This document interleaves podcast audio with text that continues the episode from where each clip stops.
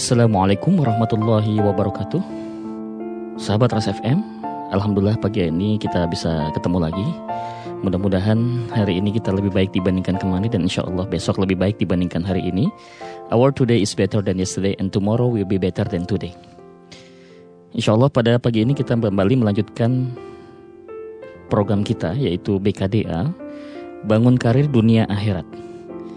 Pertemuan yang lalu kita sudah membahas tentang target kita menjadi seorang yang sukses karir dunia akhirat itu adalah SPB, sejahtera. B-nya adalah barokah dan yang ketiga adalah bahagia. Kita sudah membahas sejahtera kemarin. Kita sambung dengan yang kedua sekarang, barokah. Sahabat RSFM, apakah ada persamaan antara barokah dengan profit? Kalau kita bicara dalam dunia usaha, pasti setiap perusahaan pasti ingin yang namanya keuntungan atau profit. Perlu diketahui bahwa antara profit dengan barokah jelas memiliki satu perbedaan yang sangat menonjol. Bicara profit, lebih banyak tekanannya kepada hal-hal yang bersifat fisik. Sedangkan barokah itu meliputi berbagai aspek. Di dalamnya terdapat yang bersifat fisik dan juga yang non fisik. Oleh karena itu sebenarnya profit itu dibagi dua macam. Yang pertama adalah touchable profit dan yang kedua adalah untouchable profit. Ada profit yang bisa disentuh dan ada profit yang tidak bisa disentuh.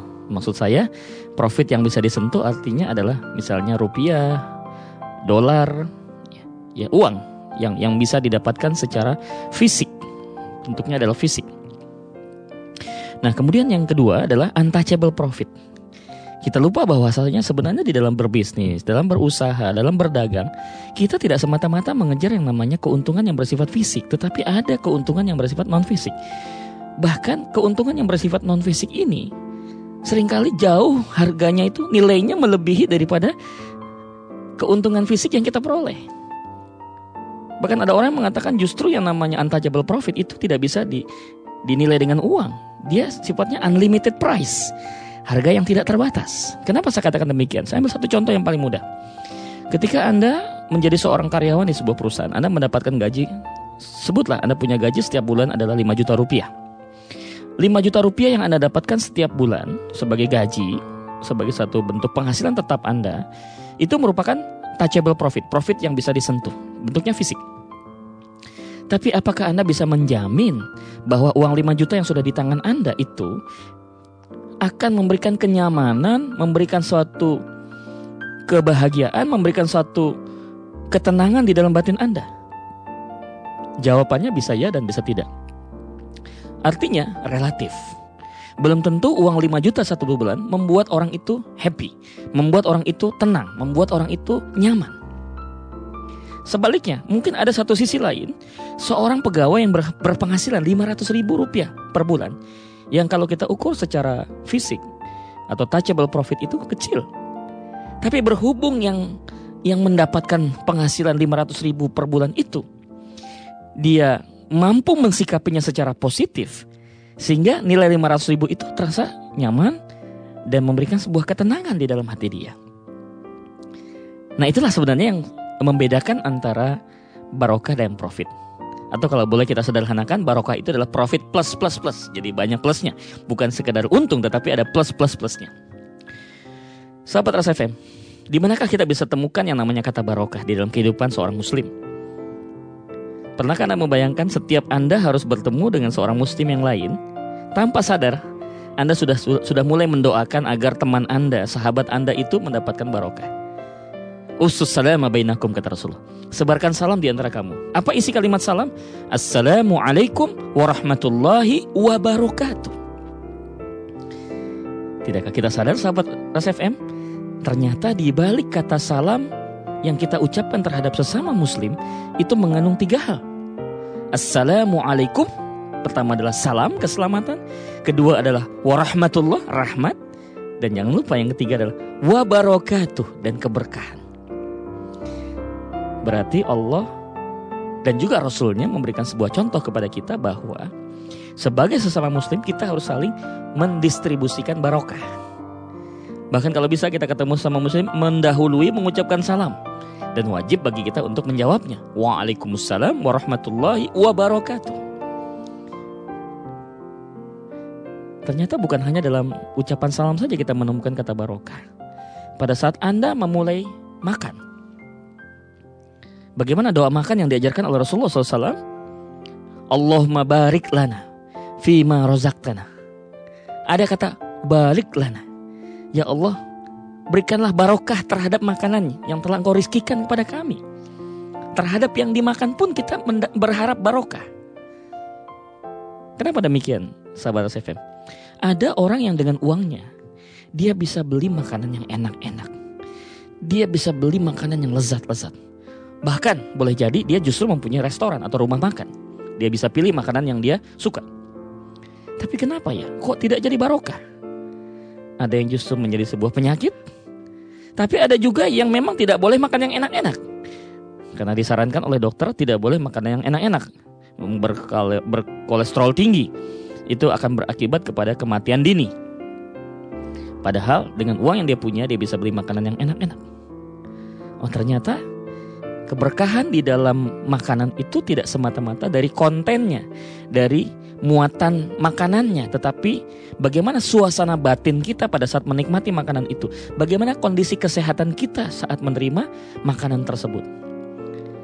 Ketika kita bisa menikmati makanan tanpa ada hambatan apa pun, hambatan psikologis, hambatan medis, hambatan klinis, dan sebagainya, maka kita insya Allah mendapatkan barokah.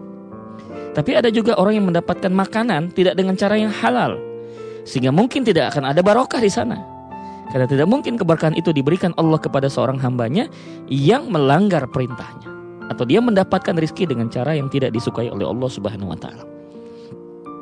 Dengan kata lain sahabat Ras FM, dalam kita berbisnis, dalam kita berusaha, supaya tetap mendapatkan barokah, maka kita upayakan apa yang kita kerjakan. Prosedur pengerjaan aktivitas kita cara-cara yang kita gunakan, strategi yang kita pakai itu semata-mata datangnya dari Allah Subhanahu wa taala. Bukan sekedar kita ini ingin menyenangkan konsumen, bukan sekedar kita ingin menyenangkan pelanggan. Bukan sekedar customer satisfaction, tapi juga kita harus berpikir God satisfaction. Pernahkah kita berpikir dalam berdagang, berbisnis, atau bertransaksi dengan orang lain, kita berpikir Apakah Allah senang atau tidak dengan transaksi yang saya lakukan? Apakah Allah puas atau tidak? Jangan sekedar mengukur keberhasilan dalam bisnis kita adalah dengan mengatakan bahwa customer yang penting customer puas. Padahal belum tentu customer puas, Allah puas. Yang harus kita prioritaskan pertama dalam bisnis, dalam bermuamalah adalah bagaimana kita membuat Allah itu puas lebih dulu, otomatis nanti setelah itu kita bisa memuaskan konsumen. Karena betapa banyak kita melihat orang-orang yang berhasil dan begitu pandainya, begitu lihainya mereka memuaskan pelanggan, tetapi maaf, mereka tidak berhasil dalam memuaskan Allah. Padahal kita tahu barokah itu datangnya bukan dari manusia, tapi barokah itu datangnya dari Allah Subhanahu wa taala. Kemudian ada satu lagi. Kita akan menemukan kata barokah dalam event atau momen apa? Saya sering menyebutkan dengan istilah unforgettable moment momen yang tidak terlupakan karena memang terjadi sekali seumur hidup. Mungkin ada sahabat rasa yang tahu apa yang saya maksud? Ya, yang saya maksud adalah momen pernikahan. Coba Anda perhatikan, pada saat kita diundang untuk menghadiri sebuah walimatul urus, pernikahan kawan kita atau rekan kita atau kolega kita, disunahkan Rasulullah SAW tidak ada kado yang paling istimewa yang bisa kita berikan kepada kedua mempelai selain daripada ucapan barakallahu laka wa baraka alaika wa jama'a bainakuma fi khair. Itu adalah kado yang teristimewa yang bisa kita hadiahkan kepada mempelai. Bukan kunci mobil, bukan kunci rumah, bukan uang berupa tabungan deposito, juga bukan berupa souvenir, tapi yang kita hadiahkan kata Rasulullah, hadiahkanlah kedua mempelai itu dengan kata-kata barakallahu laka wa baraka alaika wa jama'a bainakuma fi khair. Dua kali disebut kata barokah berarti itu tidak main-main. So, kalau sudah disebut barokah itu di dalamnya termasuk usia yang panjang, mudah-mudahan rumah tangganya itu harmonis, tidak ada keributan, tidak ada konflik, mendapatkan anak yang solid dan soliha, tidak ada terjadi suatu konfrontasi, tidak ada kekerasan, mereka mendapatkan keluarga yang sakinah, mawaddah warahmah itu including di dalam makna barokah. Subhanallah. Baik, kita akan mengetahui lebih lanjut bagaimana cara kita bisa melaksanakan pekerjaan kita sehingga mendatangkan barokah. Kita akan sambung setelah pesan-pesan. Sahabat RSFM masih bersama saya dalam program SDS Sahabat dan Solusi. Kita masih dalam kajian BKDA Bangun Karir Dunia Akhirat. Kita sudah membahas tentang barokah tadi. Tetapi belum selesai. Kita sudah paham apa ini maksud barokah, apa perbedaannya antara profit dengan barokah. Tadi sudah saya sampaikan, profit itu ada dua macam, ada touchable profit dan untouchable profit. Profit yang bisa disentuh atau profit yang bersifat fisik, ya, uang misalnya di mana profit yang touchable ini prosesnya adalah ikhtiar basyariah. Jadi kita membutuhkan satu usaha manusiawi. Untuk mendapatkan profit yang bersifat fisik, kita membutuhkan ikhtiar basyariah. Satu usaha manusiawi. Manjada wajada kata Rasulullah. Barang siapa yang ingin mendapat mencari, dia akan dapat. Sebab siapa dia mencari, dia pasti dapat dibutuhkan satu ikhtiar, usaha, inisiatif dari kita sebagai manusia. Kemudian yang kedua, untouchable profit. Nah, untouchable profit ini adalah hajatur robaniyah. Jadi, hajatur robaniyah kebutuhan kita kepada Allah Subhanahu wa taala tidak cukup hanya dengan ikhtiar. Betapa banyak orang yang berikhtiar secara maksimal tapi dia nggak dapat barokah karena barokah itu datangnya dari Allah bukan datang dari manusia kita nggak akan dapatkan barokah dari pimpinan perusahaan kita, kita tidak akan dapatkan barokah dari rekan bisnis kita, kita nggak akan dapatkan barokah dari customer kita, tapi barokah itu Allah yang distribusikan. Maka supaya kita mendapatkan barokah, maka mintalah kepada Allah. Bukan usaha manusiawi tetapi kita minta kepada Allah ya Allah barokahkanlah berikanlah barokah pada rizki kami barokahkanlah pada pekerjaan kami karir kami dan seterusnya Nah supaya kita bisa menghadirkan barokah yang datang dari Allah Subhanahu Wa Taala apa saja yang harus kita lakukan Pertama dan yang utama sebelum kita memahami lebih lanjut tentang barokah ini adalah kita memahami apa sesungguhnya makna daripada rizki. Ini penting. Karena ketika kita salah dalam memahami kata rizki, maka akan berakibat kesalahpahaman dalam masalah barokah juga. Karena kata barokah tidak bisa lepas dari kata rizki. Sahabat Ras FM, rizki itu bisa dibagi menjadi tiga. Yang pertama itu kita sebut dengan istilah rizku al-mutlaqah. Rizki yang bersifat mutlak atau absolut. Rizki yang bersifat mutlak atau absolut ini merupakan hak prerogatif atau otoritas penuh dari Allah Subhanahu wa taala. Kita sebagai manusia hanya bisa menerima saja. Ini tertuang di dalam Al-Quran surat Hud surat ke-11 ayat ke-7 di mana Allah Subhanahu wa taala berfirman A'udzu billahi rajim Bismillahirrahmanirrahim Wa ma min dabbatin fil ardi illa 'alallahi rizquha Tidak ada satu makhluk melata di muka bumi Para ulama mufasirin mengartikan termasuk juga manusia, including dengan manusia. Tidak ada makhluk yang melata termasuk manusia di muka bumi ini yang tidak dijamin rizkinya. Berarti setiap bayi yang lahir di muka bumi ini siapa pun orang tuanya, siapa pun ayah dan ibunya sudah dipastikan mendapatkan jatah rizki dari Allah. Tapi rizki yang bersifat mutlakoh. Tidak kita ragukan lagi. Setiap manusia yang lahir pasti ada rizkinya. Nah cuma persoalannya adalah rizki yang diberikan Allah yang bersifat mutlakoh ini ukurannya berbeda antara manusia yang satu dengan yang lain. Mungkin ada di antara sahabat Ras FM yang mendapatkan ukurannya large, ukuran kapasitas rizkinya itu besar. Tapi ada juga yang medium, besar enggak, kecil juga enggak, jadi tengah-tengah. Tapi ada juga yang mendapatkan rizki yang ukurannya small, Nah, andai kata saya mendapatkan ukuran rizki yang small, maka saya harus sadar diri, tidak boleh memaksakan untuk terlalu ngoyo Ya, untuk terlalu ambisius mengejar kapasitas kapasitas rizki yang ukurannya besar. Seperti sebuah gelas, sahabat Ras FM.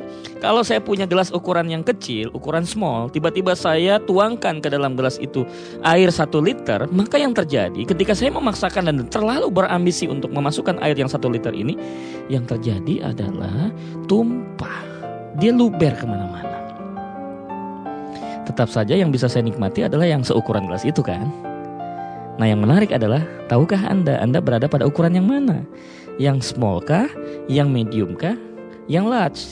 Ketika Anda mendapatkan jatah small, Anda jangan cemburu terhadap yang large. Kenapa? Boleh jadi dengan Anda ditaruh dalam posisi small, Anda menjadi seorang hamba yang selalu bersyukur pada Allah. Belum tentu yang large itu menjadi orang yang bersyukur. Bisa jadi dia malah kufur kepada Allah. Di sini tidak ada soal mana yang paling bagus dan mana yang paling jelek. Semua mendapatkan yang terbaik di mata Allah.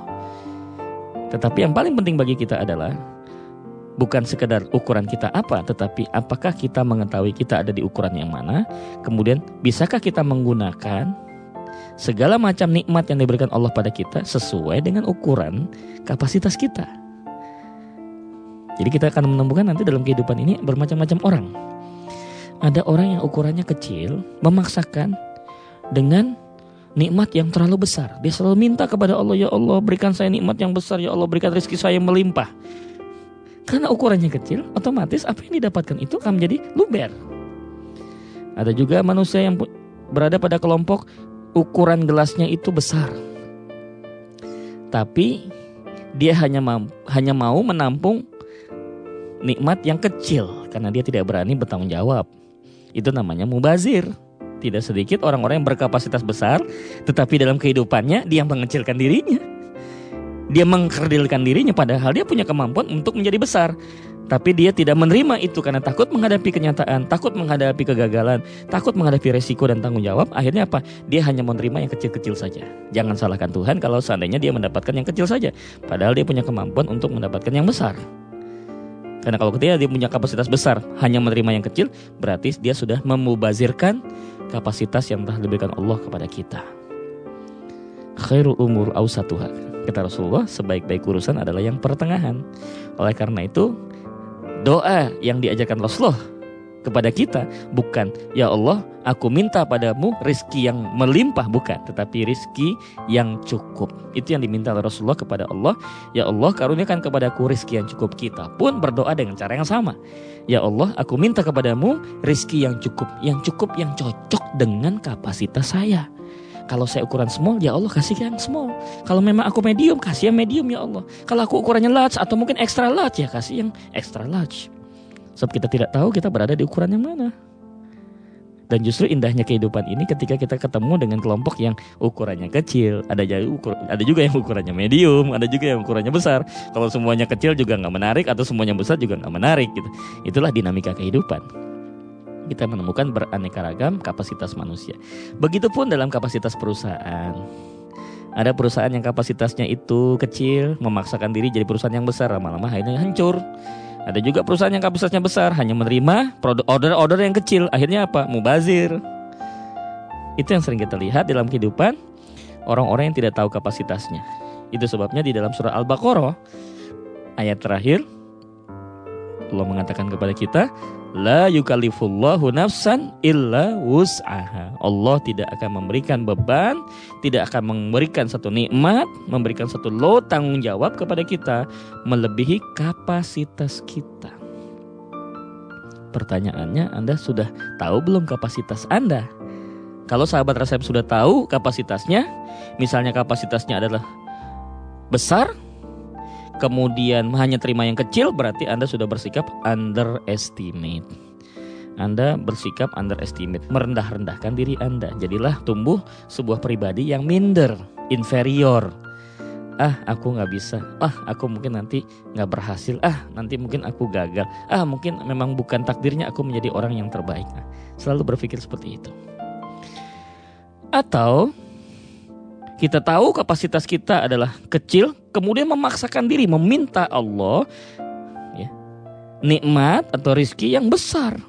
Itu namanya overestimate. Terlalu sombong, terlalu berlebihan dalam menilai diri. Kalaupun dipaksakan nanti kita akan hancur. Kata Rasulullah dalam salah satu hadis, kalau Rasulullah SAW, La fid din halaka. Jangan kau berlebih-lebihan dalam masalah agama, karena nanti keber keberlebihan Anda itu dalam agama akan berakibat kepada kehancuran. Wala tulku aidiakum ila tahluka. Surat Al-Baqarah 138. Jangan kau masukkan dirimu, jangan kau jerumuskan dirimu ke dalam kebinasaan. Jadi memang sahabat rasa FM hidup yang enak itu adalah apabila hidup kita itu berada pada keseimbangan. Saatnya memang harus besar ya kita berikan yang besar, saatnya harus kecil ya kecil. Baik kita akan sambung pada pemahaman yang berikutnya setelah pesan-pesan berikut ini. Iya, sahabat Ras FM masih dalam SDS Sahabat dan Solusi setiap hari Selasa jam 8 sampai dengan jam 9 pagi. Kita masih dalam pembahasan atau kajian BKDA Bangun Karir Dunia Akhirat. Kita sudah menjelaskan tadi pemahaman tentang barokah, bagaimana makna dari rizki? Ada tiga, rizki yang mutlakoh, rizki yang bersifat mutlak. Kemudian rizki yang kedua, ar-rizku al-mukhtaroh, rizki yang diikhtiarkan. Maksud daripada rizki yang diikhtiarkan, dia tidak akan datang, tidak akan hadir atau tidak akan dihadirkan oleh Allah sebelum diawali dengan ikhtiar kita sebagai manusia. Jadi harus ada usaha. Nah, rizki yang kedua ini tidak ada batasan. Tidak melihat apakah orang ini beriman atau kafir, siapa pun manusia. Selama judulnya dia berusaha keras, bekerja keras, bekerja cerdas, bekerja tuntas, maka jangan heran kalau dia mendapatkan lebih banyak dibandingkan orang Islam mungkin yang rajin sholat atau rajin ngaji atau rajin zikir. Karena kalau bicara masalah rezeki yang kedua ini, Allah melihat usaha manusia.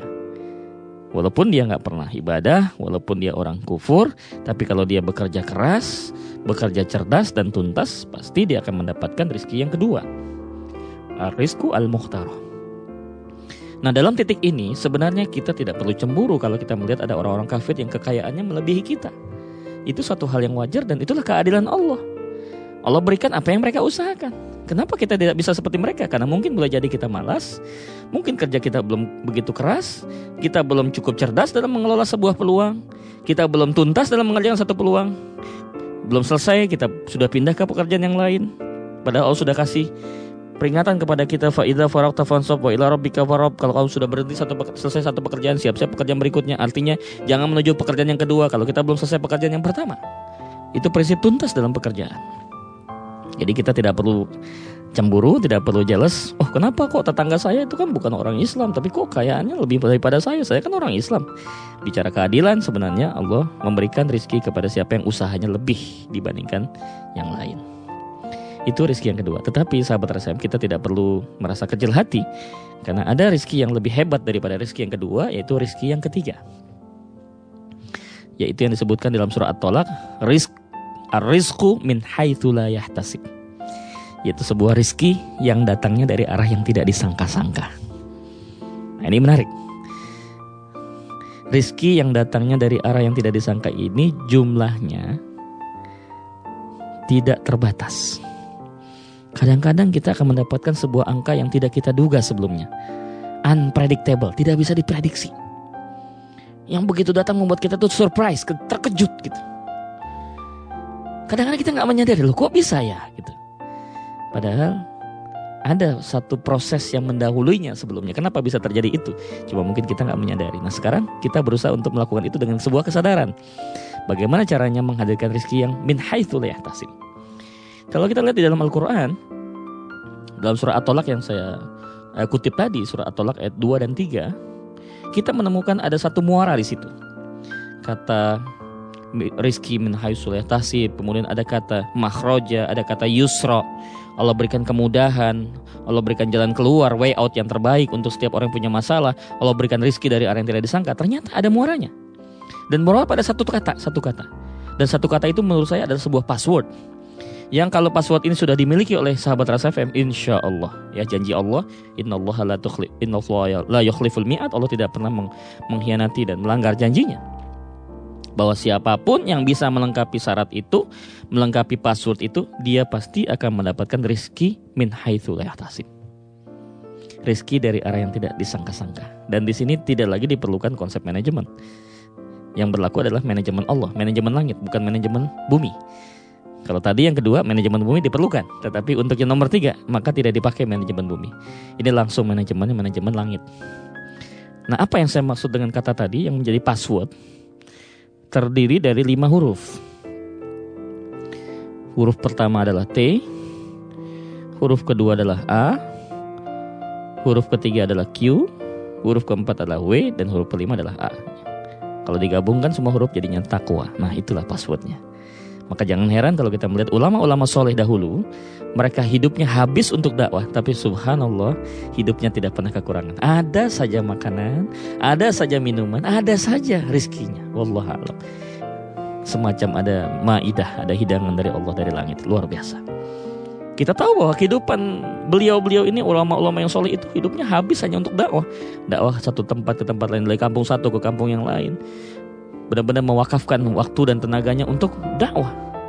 Tapi alhamdulillah kehidupan rumah tangganya, kebutuhan istri dan anak-anaknya terpenuhi. Dari mana itu asalnya? Min haitsu yahtasib. Rizki dari arah yang tidak disangka-sangka. Maaf bukan berarti si ulama ini, sang ulama ini tidak mau berusaha. Tapi dia membuat satu prioritas dalam hidupnya. Dia lebih memilih amanah yang datang dari Allah berupa dakwah ini ketimbang dia harus mencari nafkah. Bukan berarti dia nggak mau cari nafkah. Dia sebagai seorang suami dia ingin bertanggung jawab menjadi seorang suami yang baik, memberikan nafkah pada istri dan anak-anaknya. Tapi umat jauh lebih membutuhkan sehingga untuk itu Allah yang akan memberikan upahnya langsung. Subhanallah. Jadi ada gaji dari manusia, ada gaji dari Allah. Allah langsung memberikan gaji. Subhanallah. Maka janganlah heran kalau kita menemukan orang-orang seperti itu dalam kehidupan. Orang-orang yang soleh, orang-orang yang ikhlas. Orang-orang yang menghibahkan waktunya untuk umat insya Allah Allah yang memberikan bayarannya. Dan ini dibuktikan kalau kita lihat di dalam Al-Quranul Karim terutama di dalam surah Al-A'raf dari mulai ayat 49 sampai dengan ayat 80-an itu kita banyak menemukan kisah-kisah para nabi, kisahul anbiya dari mulai Nabi Nuh, kemudian Nabi Lut, Nabi Hud, Nabi Soleh itu mempunyai pesan yang sama. Ya. U'budullah min ilahin Sembahlah kepada Allah, tidak ada Tuhan selainmu. Tidaklah aku berharap apa pun dari kalian, aku tidak meminta upah dari kalian, ya, illa ajrullah, kecuali upah dari Allah.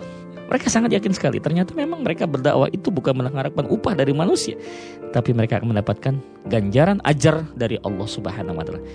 Dan balasan atau upah dari Allah itu melebihi daripada estimasi yang kita bayangkan. Subhanallah sahabat RSFM kalau kita hidup sudah mendapatkan lima huruf ini takwa ini Masya Allah semua persoalan selesai, semua kesulitan akan diberikan kemudahan oleh Allah. Kita ingin mendapatkan ilmu, diberikan ilmu oleh Allah. Kita ingin mendapatkan rezeki, dikasih rezeki yang tidak disangka. Yang kadang-kadang begitu kita mendapatkan, membuat kita terkejut. Ketahuilah sahabat rasa jangan kita kejar rezekinya. Jangan kita kejar makrojanya, jalan keluarnya. Bukan kita kejar yusronnya, tapi yang kita kejar adalah takwanya. Fokus gimana membuat diri kita menjadi orang yang bertakwa, mutakin. Selanjutnya Allah yang akan bekerja. Lakukan diri kita, tempat diri kita, bina diri kita menjadi orang yang bertakwa. Selanjutnya bonus-bonus itu akan datang dengan sendirinya. Itu konsekuensi. Jadi kita nggak perlu terobsesi untuk mengejar fasilitas-fasilitas yang dijanjikan Allah. Tapi kita kejar syaratnya saja. Setelah itu, maka nanti fasilitas itu akan datang dengan sendirinya. Sahabat RSFM, itu baru yang pertama. Kalau kita sudah memahami rizki, Di situlah kita tahu yang namanya barokah itu seperti apa. Ketika orang mendapatkan rizki yang ketiga, itulah yang disebut barokah. Kalau hanya sekedar mendapatkan rizki yang kedua, belum tentu barokah. Kalau rizki yang pertama memang sudah di, sudah menjadi hak bagi setiap manusia. Jadi kalau ingin mendapatkan rizki yang barokah, milikilah atau masukkanlah variabel takwa di dalam bekerja. Masukkanlah variabel takwa di dalam rumah tangga Anda. Pasti rumah tangga Anda barokah masukkan di dalam konsep makan Anda barok eh, konsep takwa sehingga nanti mendapatkan barokah. Masukkanlah dalam konsep bernegara Anda takwa, maka nanti akan barokah. Sebagaimana surat 7 ayat 96 mengatakan, "Walau anna ahlal qura amanu wattaqau." Ada kata-kata takwa. La fatahna alaihim barakati minas sama'i wal ard. Subhanallah. Langsung ada korelasi yang sangat erat. kalau seandainya penduduk negeri ini termasuk negara kita Indonesia penduduknya itu semua beriman dan bertakwa password ini dipegang betul maka pasti aku bukakan barokah tim minas sama iwal art subhanallah. Barokah bukan hanya dari bumi dari langit. Kita gali bumi dapat emas kita gali bumi dapat minyak. Kemudian dari atas pun juga dapatkan sesuatu. Subhanallah. Hujan yang membuat subur tanaman ya. cuaca yang selalu kondusif untuk bisa menanam tanaman yang bisa menyuburkan. Itu adalah barokah dari langit dan bumi kalau kita ini beriman dan bertakwa kepada Allah. Kemudian yang kedua, sahabat SFM, kita juga mesti memahami apa investasi. Untuk bisa mendapatkan barokah, kita mesti punya pemahaman yang benar tentang masalah investasi. Investasi macam apa yang perlu kita miliki sehingga mendatangkan barokah? Kita akan sambung setelah pesan-pesan.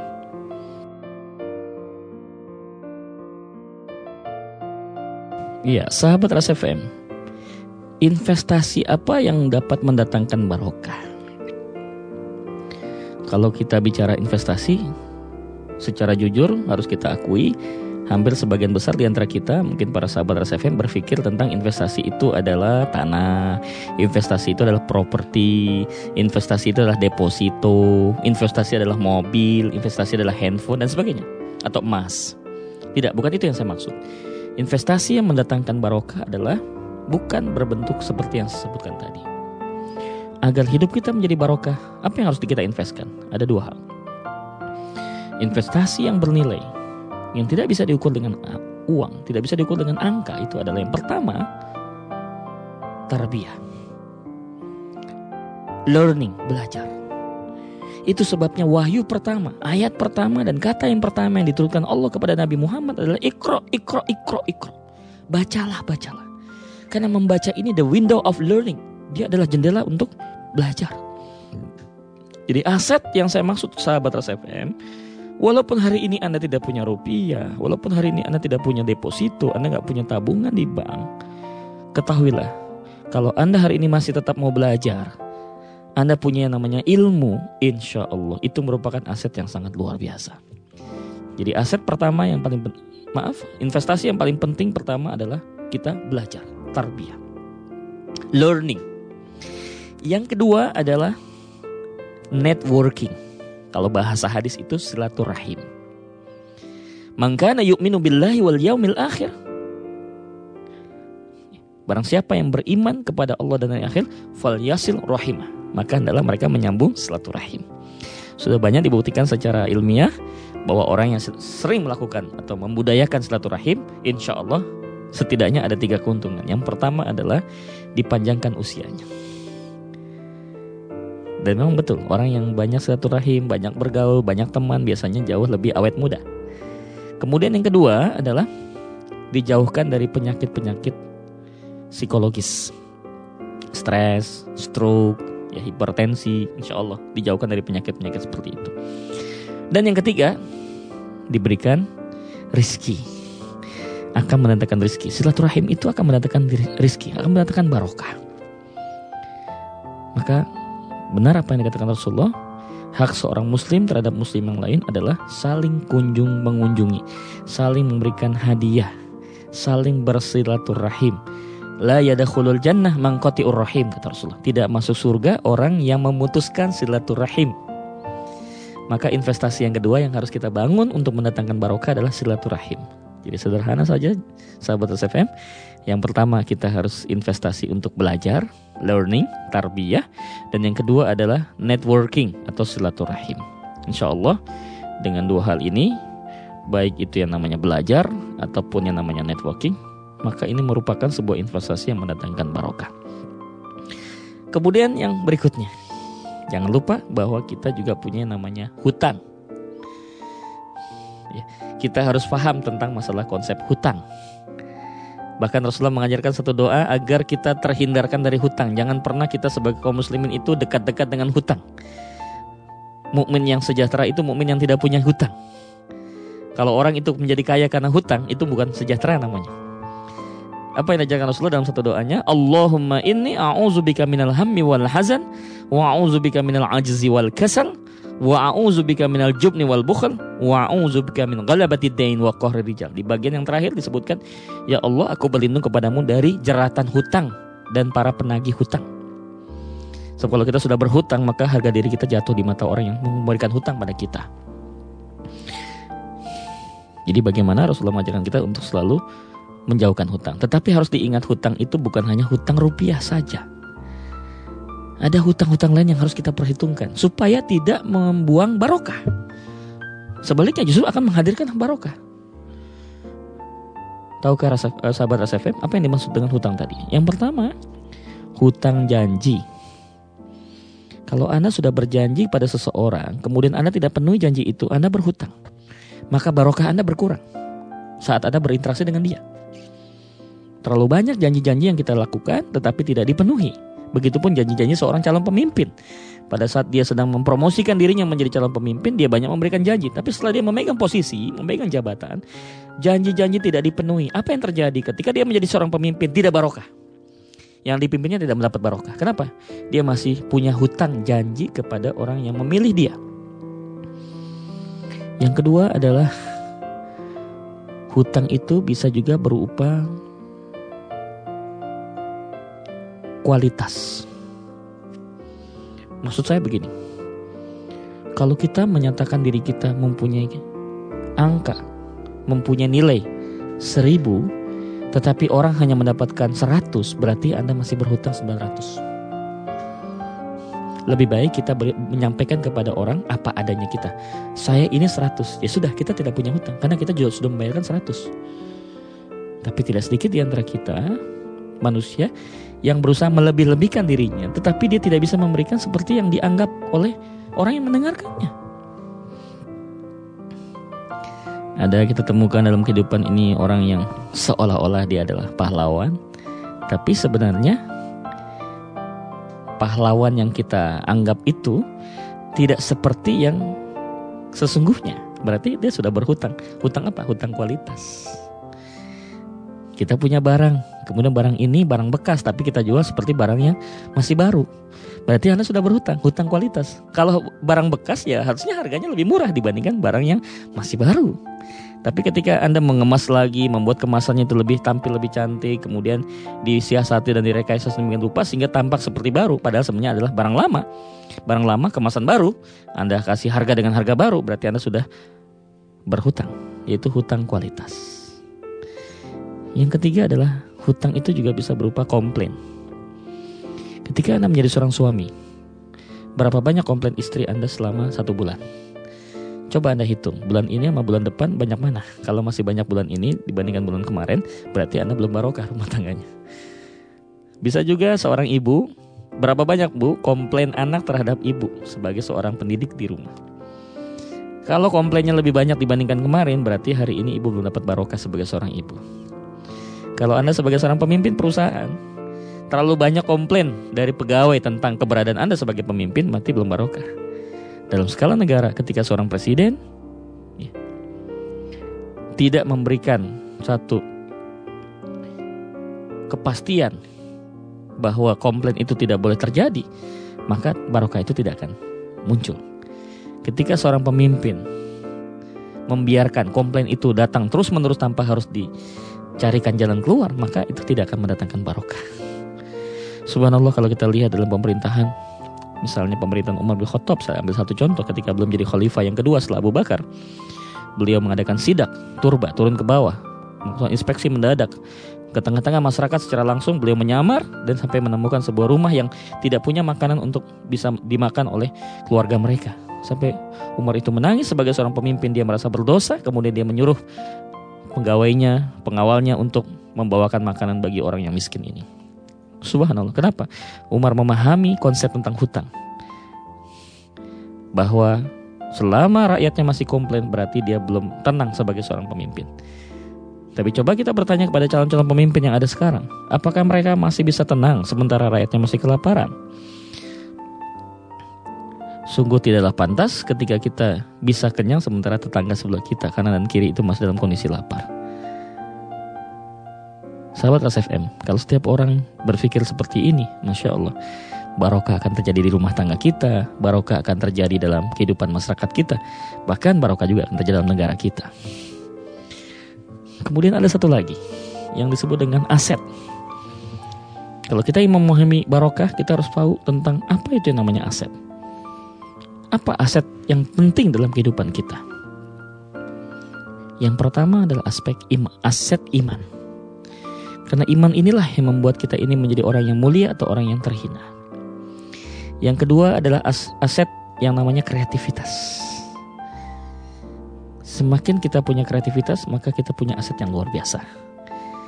Bukan uang. Kalau kita berbisnis bukan modal uang, tapi yang dibutuhkan kreatif. Kalau Anda kreatif, Anda bisa merubah yang namanya peluang itu menjadi sebuah keuntungan, menjadi sebuah manfaat. Yang ketiga adalah prestasi. Prestasi itu adalah aset. Prestasi yang Anda kumpulkan dari sejak kecil sampai Anda dewasa itu akan menjadi kumpulan aset-aset Anda. Maka selalu buatlah prestasi kapan pun Anda bisa. Kemudian yang keempat adalah apa yang disebut dengan pengalaman. Bertambahnya usia itu berarti bertambah pengalaman. Maka barang siapa yang memiliki pengalaman, maka dia punya aset yang sangat luar biasa. Baik, nanti di penghujung sesi kita kita akan bahas penutup daripada kata barokah.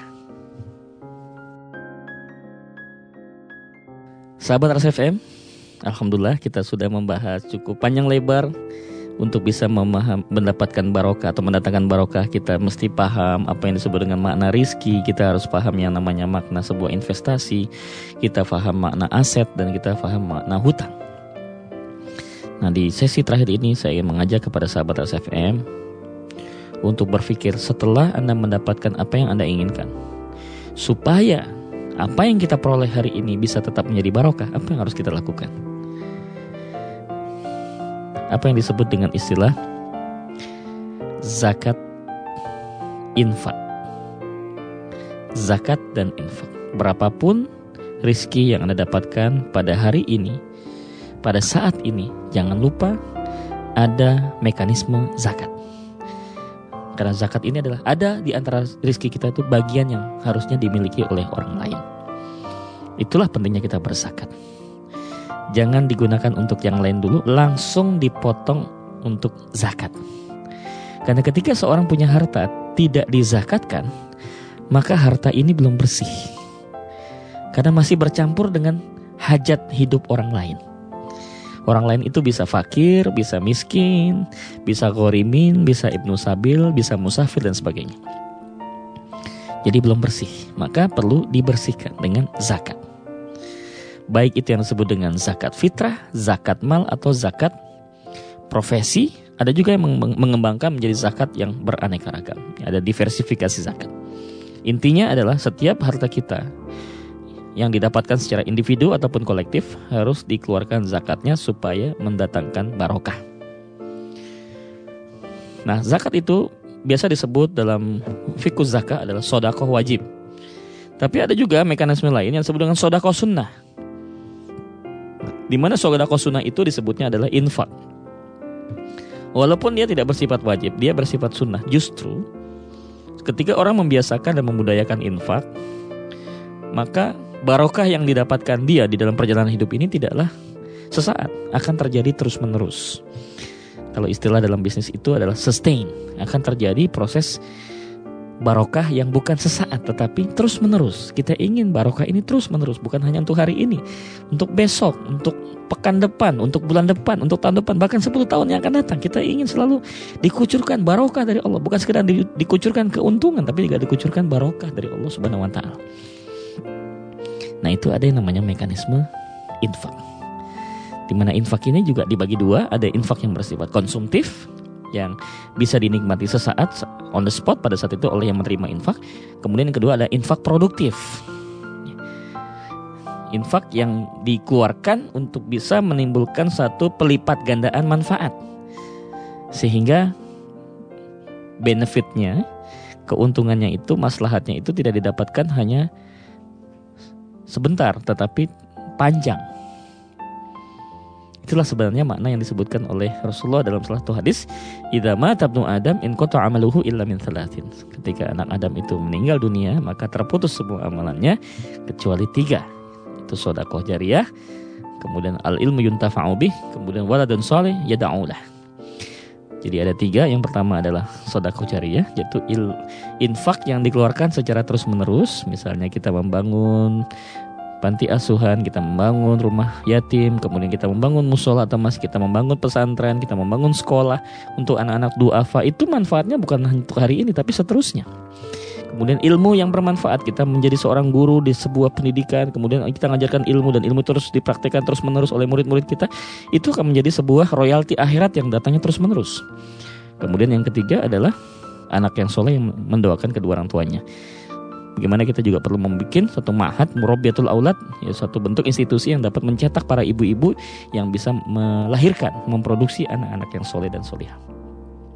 Demikianlah sahabat SFM, mudah-mudahan kajian kita mengenai bangun karya dunia akhirat bisa membuat diri kita semakin tercerahkan dan insya Allah mulai saat ini kita berlomba-lomba bukan sekadar mengejar keuntungan tapi kita yuk berlomba-lomba mengejar barokah. Keuntungan tidak tidak cukup tetapi kita harus tambahkan dengan barokah. Demikianlah mudah-mudahan kita bisa sambung pada kesempatan yang akan datang masih dalam program kajian bangun karir dunia akhirat di dalam program SDS Sahabat dan Solusi setiap Selasa jam 8 sampai jam 9 pagi. Assalamualaikum warahmatullahi wabarakatuh.